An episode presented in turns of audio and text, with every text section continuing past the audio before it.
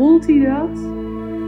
En zal de noodzaak voor hem om mijn verlangen niet te eren groter worden, omdat het hem iets kost? Als ik me eerst verbind met mijn bekken, met de sappigheid, de levensstroom, met de verlangens, met de gronding in het onderste deel van mijn lijf en dat zo opbouwen, dan komt mijn waarheid of mijn verlangen of mijn behoefte er veel steviger uit. Welkom bij de Sensueel Belichaamd Leiderschapspodcast met Janneke Robers. Dit is de podcast voor vrouwelijke coaches en leiders die zichzelf willen bevrijden van eeuwenlange conditioneringen die hen klein houden.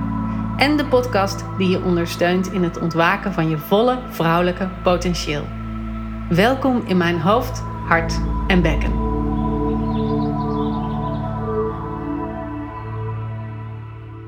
Als ik deze podcast inspreek, dan probeer ik me altijd een beeld voor me te hebben van jou, van de luisteraar, van dat ik tegen iemand praat. En dat gaat, maar het is toch altijd anders als ik in een groep mijn wijsheid deel en gewoon op laat komen wat er opkomt op dat moment en wat er op dat moment van belang is voor de groep, maar ook voor het grotere geheel en wat er dan door me heen stroomt. Dus af en toe neem ik dingen op die ik in voluit vrouw zijn deel met de deelnemers, omdat ik van tevoren al voel: oh, dit kan iets zijn wat heel erg voedend is voor veel meer luisteraars. En zo heb ik ook een talk opgenomen over eer je expressie. Het is een van de kunsten van het vrouw zijn die je helpt om een vrijere expressie te hebben, maar vooral een verbonden expressie vanuit het bekken. Dus waar we veel denken dat als we last hebben van onze waarheid verkondigen of onze verlangens te uiten of te zeggen wat er op ons hart ligt, dat we dan het idee hebben dat er iets mis is tussen aanhalingstekens met ons keelgebied, omdat dat gaat over expressie. Dus dat we iets te helen hebben, weer tussen aanhalingstekens, rondom dat keelgebied. Maar waar ik van uitga, is dat je keel super verbonden is met je bekken. En dat is op een energetische laag zo, maar het is ook op een fysiologische laag zo. Je stembanden, als je daar een dwarsdoorsnede van maakt, dan is die gewoon exact hetzelfde als die van je yoni. Dat is echt boeiend om te zien. Zelfde materiaal, zelfde tissue, maar ook dezelfde tekening daarvan. Dus er is gewoon een, ja, ik noem dat altijd de core channel, die vanaf je yoni naar je keel loopt. Dus wanneer je echt diep verbonden bent met een open, bruisend, stromend, levenslustig bekken, dan zit er helemaal geen blokkade meer op uiten of expressie. En dan vloeit het moeiteloos uit je. De waarheid, de stem, de verlangens, alles wat jij aan de binnenkant voelt of ervaart en wat je naar buiten wil brengen. Nou, daar heb ik een talk over opgenomen die ik deelde met mijn deelnemers. Ik denk hmm, misschien toch al wel twee of drie jaar geleden. Dat is een tijdje geleden. Maar die is nog steeds relevant en ik deel hem graag met je. Hier komt hij. Eer je expressie. Eer je expressie, ja. Ik, ik heb er al wat eerder wel wat dingen over gedeeld. Over dat Ehm, dat iedere kunst van het vrouw zijn de ander, de volgende, de opeenvolgende daarna ondersteunt.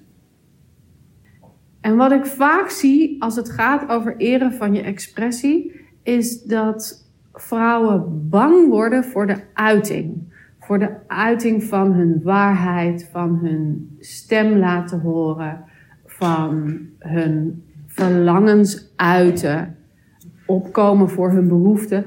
En dan dus de angst zit dan op dat naar buiten brengen.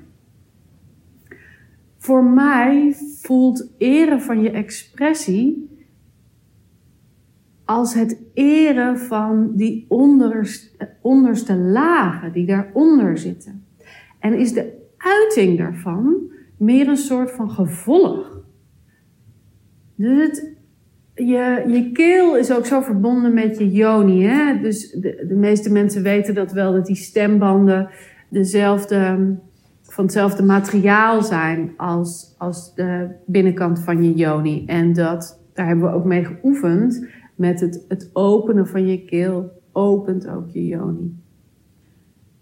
Dus op het moment dat je diep verbonden bent met als eerste de aanwezigheid in je lijf.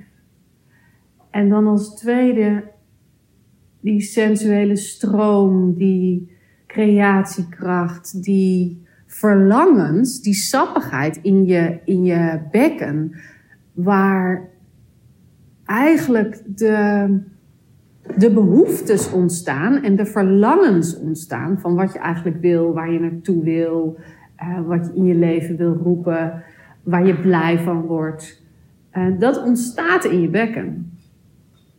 Dat kan groeien op het moment dat je stevig je innerlijke cirkel hebt, waarbinnen je een veiligheid creëert om die verlangens groter te laten worden. Zodat je ze echt kan voelen, zodat je echt jezelf kan overgeven aan wat leeft er nou in mij. En dan vanuit de liefde voor jezelf en de liefde voor de buitenwereld, de verbinding die je maakt met de buitenwereld via het hart, pas dan komt er iets uit. Dus als je dit koppelt aan een hele feitelijke situatie, bijvoorbeeld, nou, dat, eh, een persoonlijk voorbeeld, dat als ik een training wil gaan doen, een training wil gaan volgen, dan heeft dat effect op mijn gezin. Dan heeft dat effect op wie mijn dochter ophaalt. Dan heeft dat effect op de rekening. Dan heeft het effect op wat mijn man moet doen in het huishouden. Uh, dus het, het, is een beïnvloeding op de buitenwereld. Toen ik vroeger nog single was, kon ik gewoon lekker besluiten: oh, dit ga ik doen, leuk, ah, jippie, gaan we doen.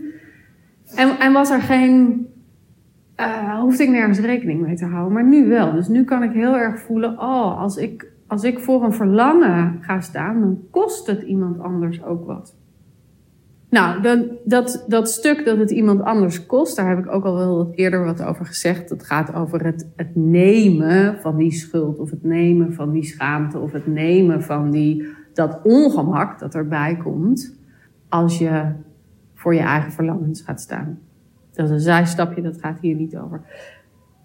Maar als ik dus tegenover mijn man sta en vanuit mijn keel enkel vanuit mijn keel ga zeggen: hé, hey, ik wil die training doen, dan is dat verlangen niet gegrond.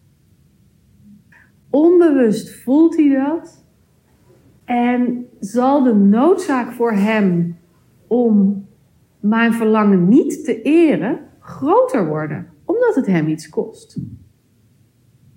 Als ik me eerst verbind met mijn bekken, met de sappigheid, de levensstroom, met de verlangens, met de gronding in het onderste deel van mijn lijf en dat zo opbouw, dan komt mijn waarheid of mijn verlangen of mijn behoefte er veel steviger uit.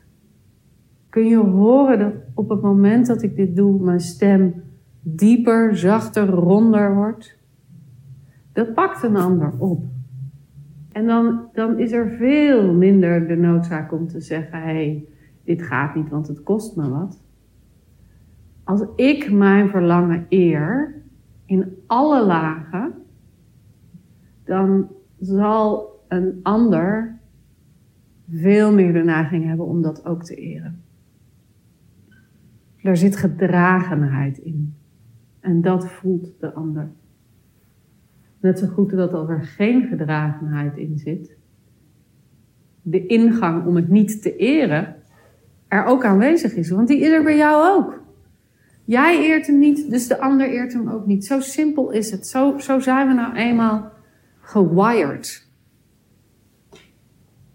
Er schijnt zoiets te zijn, weet ik niet het fijne van, vanaf. Maar we hebben spiegelneuronen. En we spiegelen dus wat we zien, maar ook wat we op een energetische diepe laag voelen dat er gebeurt bij de ander. En dus hoe meer jij embodied bent, hoe meer jij verankerd bent in je eigen lijf, in je eigen stevigheid, in je eigen waarheid, hoe meer de ander dat ook kan. In die van hem of haar. Ik nodig je uit om te ervaren wanneer komt het uit mijn keel en wanneer komt het uit mijn bekken. En dat gewoon steeds bij jezelf te onderzoeken. Adem ik vanuit mijn bekken of adem ik hoog vanuit mijn keel? Je kunt het bij die continue ademhaling ook goed voelen. Dat hoe hoger je stijgt in je lijf met de, de aandacht en de energie, hoe verkrampter en hoe eiler die eigenlijk wordt. En als je dus in je keel gaat ademen, dan klinkt die. Terwijl als je vanuit je bekken door je keel ademt, dus dat is echt een hele andere, dan is het meer.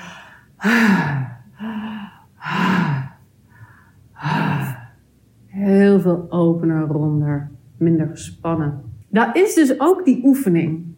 En het proberen en het zelfreflectie doen van, oh, dit werkt dus niet, hoe kan het beter? Steeds weer onderzoeken. Echt, het leven is één groot experiment. En als we dat niet aangaan, dan, dan zullen we er nooit beter in worden. Dat betekent niet dat je er in de, in de eerste minuut geweldig in moet zijn, maar, dat je jezelf toestaat om te oefenen. En toestaan om op je bek te gaan. En, en jezelf weer te herpakken daarin. Ja, en, en over die angst, want het, het is een groot ding bij vrouwen, het uiten. Er zit veel persoonlijke, individuele ervaringstrauma op stem en op uiten. Omdat de meeste van ons zijn opgegroeid met niet aan die hete theepot zitten.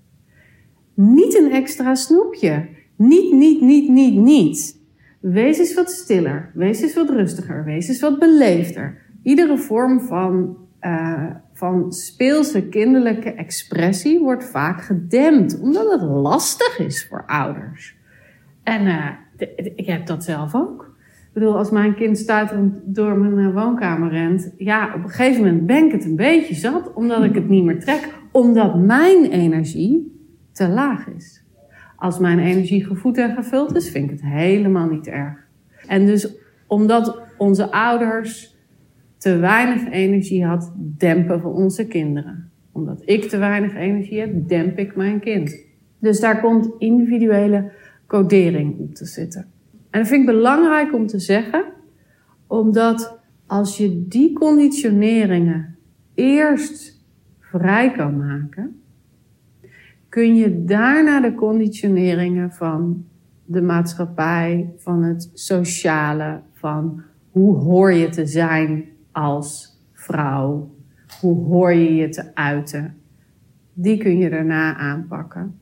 En daarna komt het collectieve stuk van, ja, als je je uit als vrouw, ga je op de brandstapel staan. Dat is nog niet zo lang geleden. Ik schrik daar iedere keer van dat dat in 16 zoveel, in 17 zoveel gewoon nog gebeurde. Het is zo kort geleden. Dus ik erken dat het collectieve stuk in je kop boven het maaiveld uitsteken en je uitspreken aanwezig is. En we hebben eerst de individuele stukken te helen voordat we het collectieve kunnen helen. Je kunt niet het collectieve aangaan als je niet eerst je persoonlijkheid daarin neemt. Dat, dat is gewoon je basis. Daar begint het. Ja, dus het is het onderzoeken van wat zijn de, wat zijn de patronen in mijzelf die mij tegenhouden om me te verbinden met mijn waarheid, mijn bekken, mijn verlangens? En wat zijn de patronen die ervoor zorgen dat ik het gevolg daarvan, dus de uiting daarvan, het naar buiten brengen daarvan, beperk, verminder, verkramp, niet vanuit oprechtheid of openheid doe. En dan de oefening daarin.